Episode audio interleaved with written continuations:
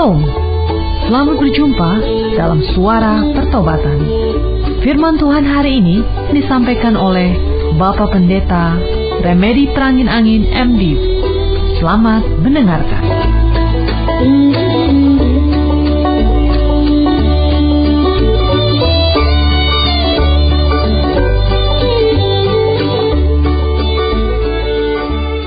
Tuhan Yesus, kami bersyukur pada hari ini boleh kembali dipersatukan dalam persekutuan lewat udara ini.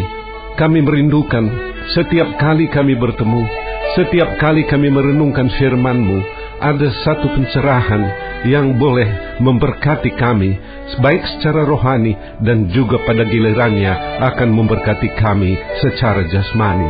Khususnya hari ini, kami rindu Tuhan untuk mendapatkan pemahaman lebih jauh tentang karya Roh Kudus di dalam hidup kami. Berbicaralah Engkau karena kami sudah siap mendengarkannya.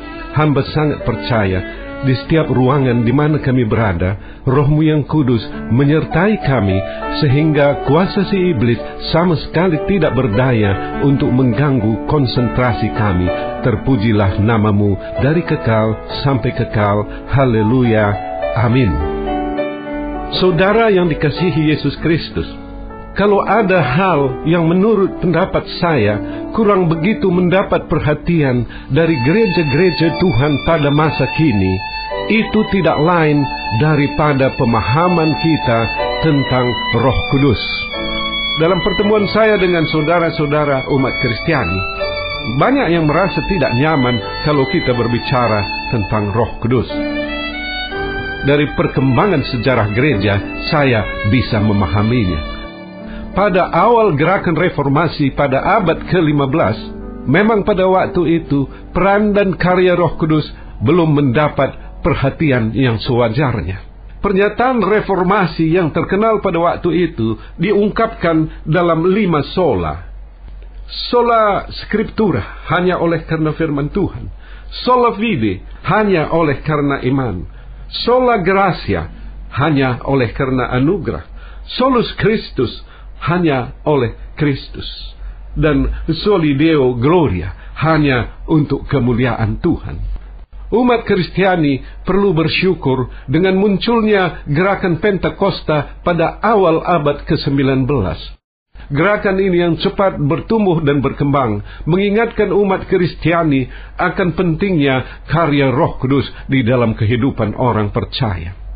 Namun demikian dalam perkembangan selanjutnya kita melihat ada banyak umat Kristiani yang memandang gerakan Pentakosta hanya sebagai satu aliran, satu denominasi tanpa melihat bahwa Tuhan mengingatkan umat Kristiani pada masa ini tentang pentingnya Roh Kudus dalam keselamatan manusia. Barangkali kita boleh berbeda pandang dengan saudara-saudara dari kaum Pentakosta tentang tanda-tanda orang yang dipenuhi oleh Roh Kudus. Tetapi perbedaan ini tidak bisa mengurangi bahwa waktu ini, pada masa kini, kita memerlukan tuntunan Roh Kudus di dalam kehidupan kita. Ruangan kita terlalu sempit untuk berbicara lebih jauh tentang masalah ini. Tetapi walau sedikit, saya berusaha mengajak kita sama-sama melihat betapa pentingnya Roh Kudus di dalam keselamatan kita. Baik, saya mengajak saudara membaca firman Tuhan dari kisah para rasul pasal 2 ayat 1 sampai dengan 4. Kisah para rasul pasal 2 ayat 1 sampai dengan 4 demikian. Ketika tiba hari Pentakosta, semua orang percaya berkumpul di satu tempat. Tiba-tiba turunlah dari langit suatu bunyi seperti tiupan angin keras yang memenuhi seluruh rumah di mana mereka duduk.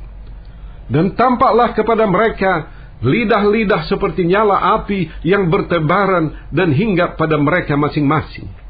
Maka penuhlah mereka dengan roh kudus, lalu mereka mulai berkata-kata dalam bahasa-bahasa lain, seperti yang diberikan oleh roh itu kepada mereka untuk mengatakannya. Saudara yang dikasihi Yesus Kristus, Yesus Kristus naik ke sorga 40 hari sesudah hari minggu kebangkitannya. dan pencurahan Roh Kudus ini terjadi 50 hari sesudah hari kebangkitan Yesus. Ketika para murid sedang berkumpul di ruang atas rumah tempat mereka menumpang di Yerusalem. Sesudah pencurahan Roh Kudus bagi murid-murid pada hari Pentakosta, terjadilah tanda-tanda heran dan mujizat berbahasa asing yang sakit disembuhkan, yang terikat dilepaskan, yang berbeban berat mendapat kelegaan, ada kesehatian dan rasa kebersamaan yang kuat.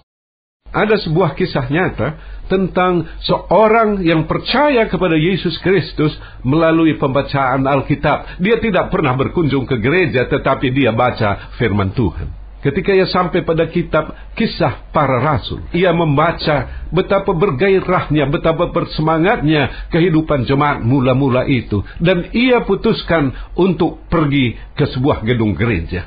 Ia memilih sebuah gereja yang besar. Ia diterima dengan ramah oleh para pelayan di sana dan dipersilahkan untuk duduk.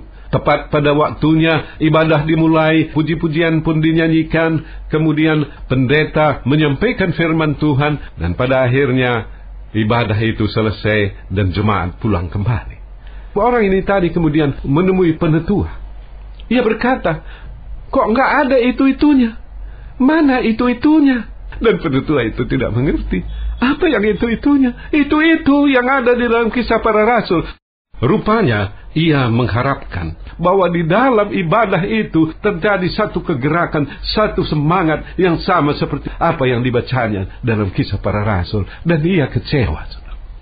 Saudara, saya percaya kita juga semua merindukan kuasa roh kudus Pentakosta bisa nyata di dalam gereja kita, di dalam kehidupan orang-orang percaya. Peristiwa Pentakosta adalah sebuah peristiwa yang sudah dinubuatkan oleh Yohanes Pembaptis. Dalam Injil Markus pasal 1 ayat 7 dan 8, Yohanes Pembaptis berkata, Sesudah aku akan datang ia yang lebih berkuasa daripada aku, membungkuk dan membuka tali kasutnya pun aku tidak layak. Aku membaptis kamu dengan air, tetapi ia akan membaptis kamu dengan roh kudus.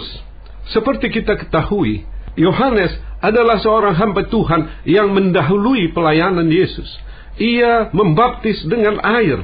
Ia berseru, bertobatlah dan berilah dirimu dibaptis dan Allah akan mengampuni dosamu. Tetapi ia mengatakan bahwa Yesus akan membaptis dengan roh kudus, bukan dengan air. Selanjutnya, dalam kitab Injil Yohanes, pasal 1 dalam ayat 32 dan 33 tertulis, Dan Yohanes memberi kesaksian katanya, Aku telah melihat roh turun dari langit seperti merpati dan ia tinggal di atasnya. Dan aku pun tidak mengenalnya, tetapi dia yang mengutus aku untuk membaptis dengan air telah berfirman kepadaku, Jikalau engkau melihat roh itu turun ke atas seseorang dan tinggal di atasnya, dialah itu yang akan membaptis dengan roh kudus. Kembali nubuatan yang sama disampaikan oleh Yohanes Pembaptis. Bahwa Yesus akan membaptis dengan roh kudus. Tetapi saudara yang dikasihi Yesus Kristus, apabila kita simak pelayanan Yesus selama ia melayani di dunia ini, tidak pernah ada tercatat sekalipun Yesus membaptis. Tidak pernah tercatat sekalipun Yesus melaksanakan pelayanan baptisan roh kudus. Kapankah nubuatan yang disampaikan Yohanes Pembaptis terjadi? Baptisan roh kudus oleh Yesus mulai terjadi sejak hari Pentakosta. Bisakah kita bersama-sama memahami sekarang betapa pentingnya arti dari Roh Kudus itu? Siapakah Roh Kudus itu sebenarnya? Roh Kudus, Roh Allah sudah banyak dicatat baik di dalam perjanjian lama maupun di dalam perjanjian baru. Roh Kudus, Roh Allah diperkenalkan di dalam kitab Kejadian pasal 1 ayat 2 di mana dikatakan Roh Allah melayang-layang di atas permukaan air. Pada masa perjanjian lama, hanya orang-orang tertentu, orang-orang yang diurapi, apakah ia seorang nabi, apakah ia seorang raja yang diurapi, apakah ia seorang pakar tertentu, hanya sedikit orang yang mendapat pengurapan Roh Kudus. Tetapi di dalam perjanjian baru ini, Roh Kudus bukan menjadi milik hanya segelintir orang, tetapi milik bagi semua orang yang percaya kepada Yesus Kristus, yang mendengarkan seruan pertobatannya. Saudara yang dikasihi Yesus Kristus, betapa pentingnya kehadiran Roh Kudus dalam diri orang percaya tampak dari perkataan Yesus dalam Yohanes 16 ayat 7. Yohanes 16 ayat 7. Demikian. Namun benar yang kukatakan ini kepadamu adalah lebih berguna bagi kamu jika aku pergi. Sebab jikalau aku tidak pergi, penghibur itu tidak akan datang kepadamu. Tetapi jikalau aku pergi, aku akan mengutus dia kepadamu. Jelas, peristiwa kenaikan Yesus ke sorga berhubungan dengan karya Roh Kudus yang dinyatakan pada hari Pentakosta. Kalau Yesus tidak naik ke sorga, maka tidak ada pencurahan Roh Kudus. Dan kalau tidak ada kebangkitan, maka Yesus tidak akan naik ke sorga. Yesus tidak akan bangkit kalau ia tidak disalib di Golgota. Ia tidak disalib di Golgota apabila ia tidak dilahirkan di kandang Bethlehem.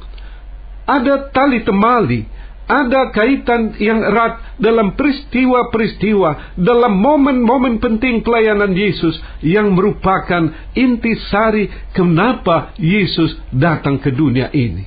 Ia lahir, ia disalib, ia mati dan dikuburkan, ia bangkit, ia naik ke sorga, dan kemudian ia mencurahkan roh kudus pada hari Pentakosta betapa pentingnya Roh Kudus di dalam kehidupan seseorang bisa kita baca dari Roma 8 ayat 9b. Roma 8 ayat 9b.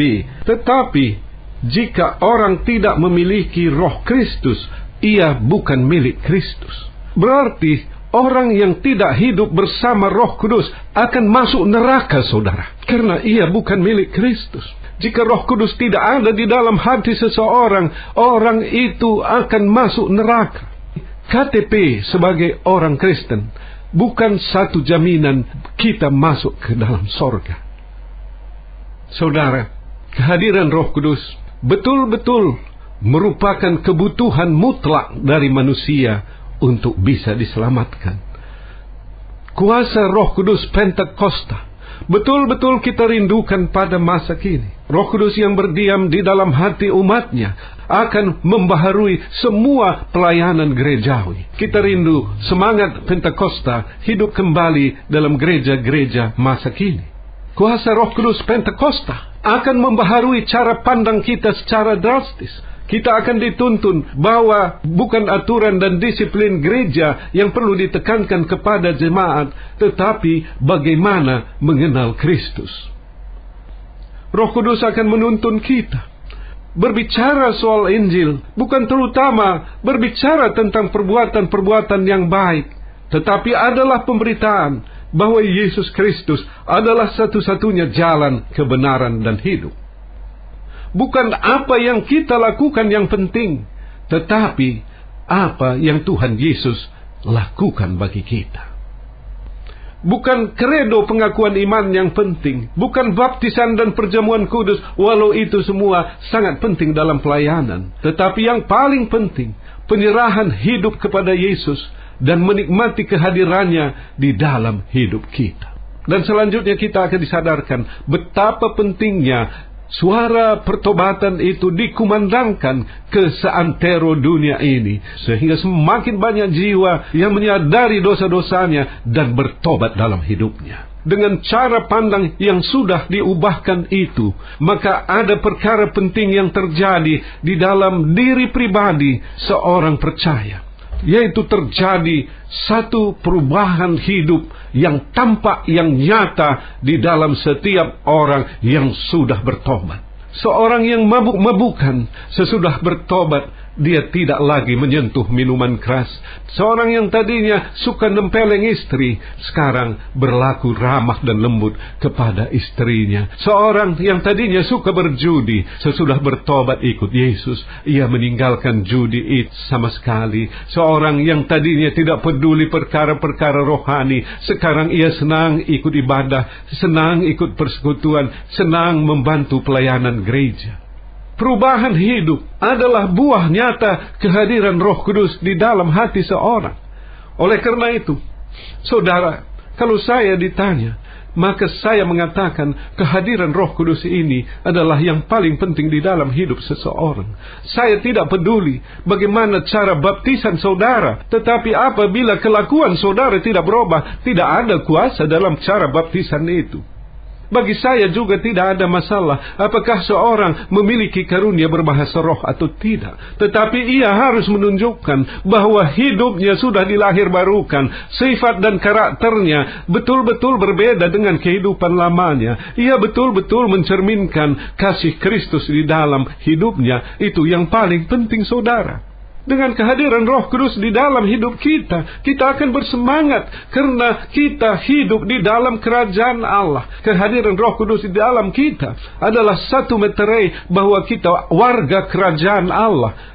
Kerajaan Allah itu sudah ada sekarang di sini pada waktu ini di mana Yesus adalah rajanya dan sebagai warga kerajaan Allah kita memiliki hak-hak istimewa bukan nanti pada waktu kedatangan Yesus yang kedua kali tetapi sekarang dan di sini saudara. Dari apa yang sudah kita renungkan sampai saat ini jelas bahwa Roh Kudus berkarya di dalam kehidupan kita secara luar biasa. Roh Kudus memberikan semangat pada waktu kita lemah. Roh Kudus menasihati kita apabila kita jalan melenceng dalam kehidupan kita. Roh Kudus menegur kita apabila kita melakukan kesalahan-kesalahan sehingga pada saat itu juga kita bisa memohon ampun. Roh Kudus menghibur kita di kala duka. Roh Kudus memampukan kita memahami firman Tuhan. Roh Kudus memberikan kita keberanian untuk menghadapi kehidupan ini. Roh Kudus memampukan kita untuk mengampuni saudara yang bersalah kepada kita kita.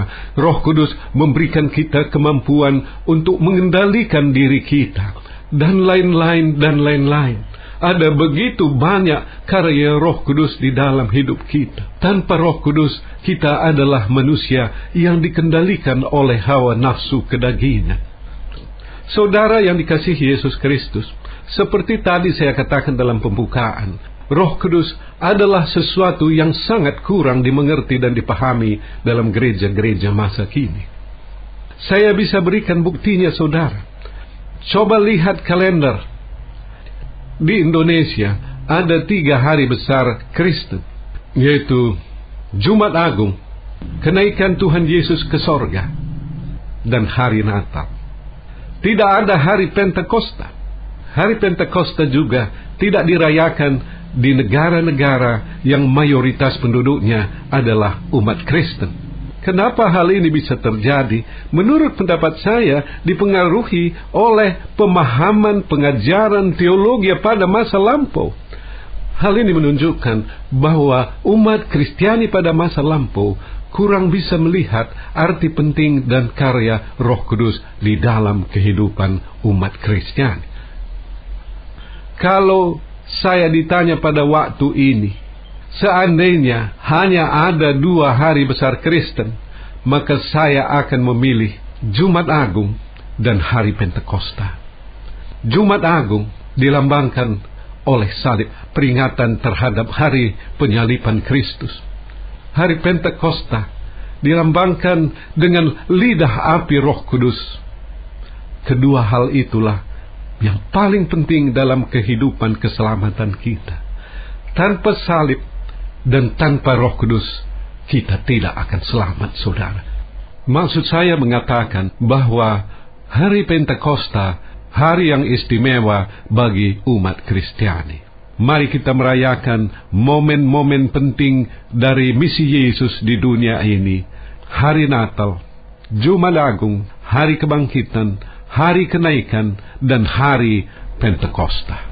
Kalau saudara berkesempatan mendengarkan renungan ini dari awal sampai dengan sekarang ini, saya percaya ini bukan satu hal kebetulan apa yang kita sudah renungkan bukan milik satu denominasi gereja. Roh Kudus adalah milik semua gereja. Apabila saudara pada masa lalu kurang memperhatikan arti penting dari Roh Kudus di dalam hidup keselamatan, maka hari ini puji Tuhan, saudara sudah mendengarnya dan saudara pasti akan mendapatkan berkat rohani yang besar dengan memikirkan, dengan mengetahui adanya pemahaman yang baru. Tuhan Yesus memberkati saudara. Kami bersyukur Tuhan pada hari ini kami sudah boleh merenungkan satu bagian yang sangat penting dalam hidup keselamatan kami tentang Roh Kudus. Apabila kami bisa memahami lebih jauh tentang rohmu yang kudus. Ini bukan karena akal budi, pemahaman, dan pemikiran, tetapi kami yakin karena engkau sendiri berbicara kepada kami melalui rohmu yang kudus.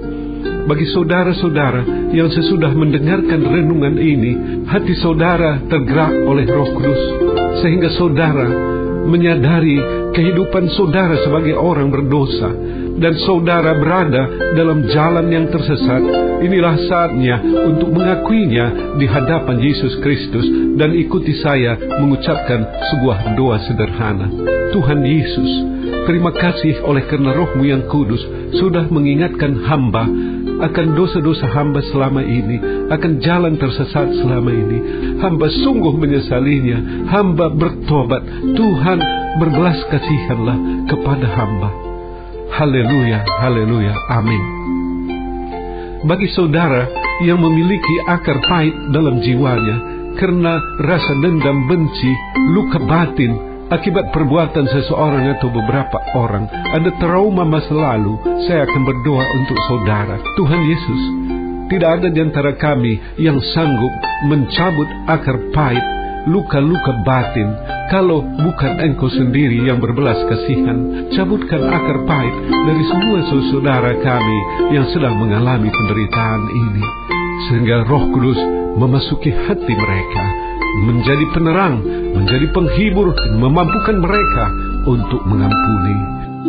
Bagi saudara yang sedang sakit, baik yang sedang beristirahat di rumah ataupun yang sedang terbaring di rumah sakit, tolong letakkan tangan saudara pada bagian tubuh yang sakit. Saya akan berdoa untuk saudara. Tuhan Yesus sesuai dengan perintahmu mengabarkan Injil dalam Markus pasal 16 di mana engkau mengatakan bahwa ada tanda-tanda heran yang menyertai orang-orang yang mengabarkan Injil. Pada waktu ini Injil sedang diberitakan. Oleh karena itu hamba percaya bahwa Tuhan mendengarkan doa kami, sembuhkan saudara-saudara pendengar yang sedang sakit. Hamba berdoa bagi semua pendengar siaran ini, di mana pun mereka sedang berada.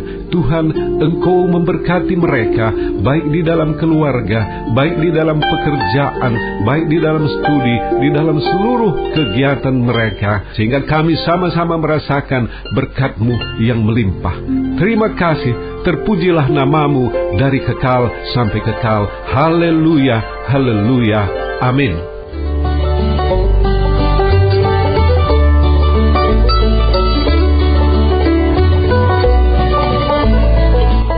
Sudah mendengarkan firman Tuhan yang disampaikan oleh Bapak Pendeta Remedi Perangin Angin MD. Pendengar dapat mengirimkan pokok-pokok doa kepada Suara Pertobatan alamat email suara pertobatan at gmail.com suara pertobatan at gmail.com SMS atau telepon di pesawat 021 7005 8400 021 7005 8400. Sampai jumpa pekan depan pada hari dan jam yang sama. Tuhan Yesus memberkati.